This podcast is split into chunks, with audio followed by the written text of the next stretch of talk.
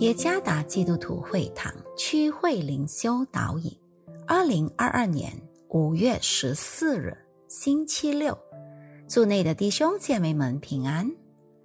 今天的灵修导引，我们将会借着圣经希伯来书第五章十四节来思想今天的主题：真理习练得通达。作者真理物牧师。希伯来书第五章十四节，唯独长大成人的才能吃干粮，他们的心窍习练得通达，就能分辨好歹了。对于一个婴儿来说，最佳的食物就是母乳，那时他还不能消化干粮。他身体的某些部分还无法正常消化食物，如果还要勉强吃干粮，那个婴儿可能会消化不良，从而影响发育。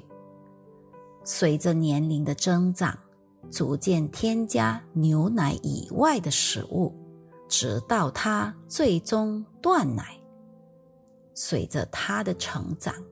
他身体的功能变得越来越完善，并且能更好的消化干粮。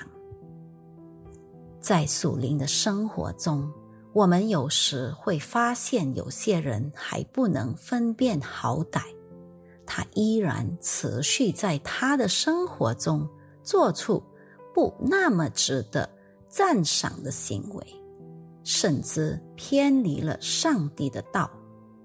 像这样的情况表明，一个人灵性成长的迟缓。灵性成长不会是自然的，需要习练。习练是通过学习、应用和遵守真理的话语，以便我们能逐渐变得更通达，来分辨好歹。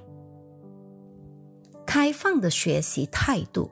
并随时准备好让他的话语更新，就是灵性成长的沃土。我们成长的越来越成熟，我们就会越来越像基督。他圣灵的果子在我们的生活中就变得更明显。因此，我们需要持续每天在上帝话语真理中。接受习练，我们在灵命上成长的越成熟，我们在追随真理的道路上就越通达。愿上帝赐福于大家。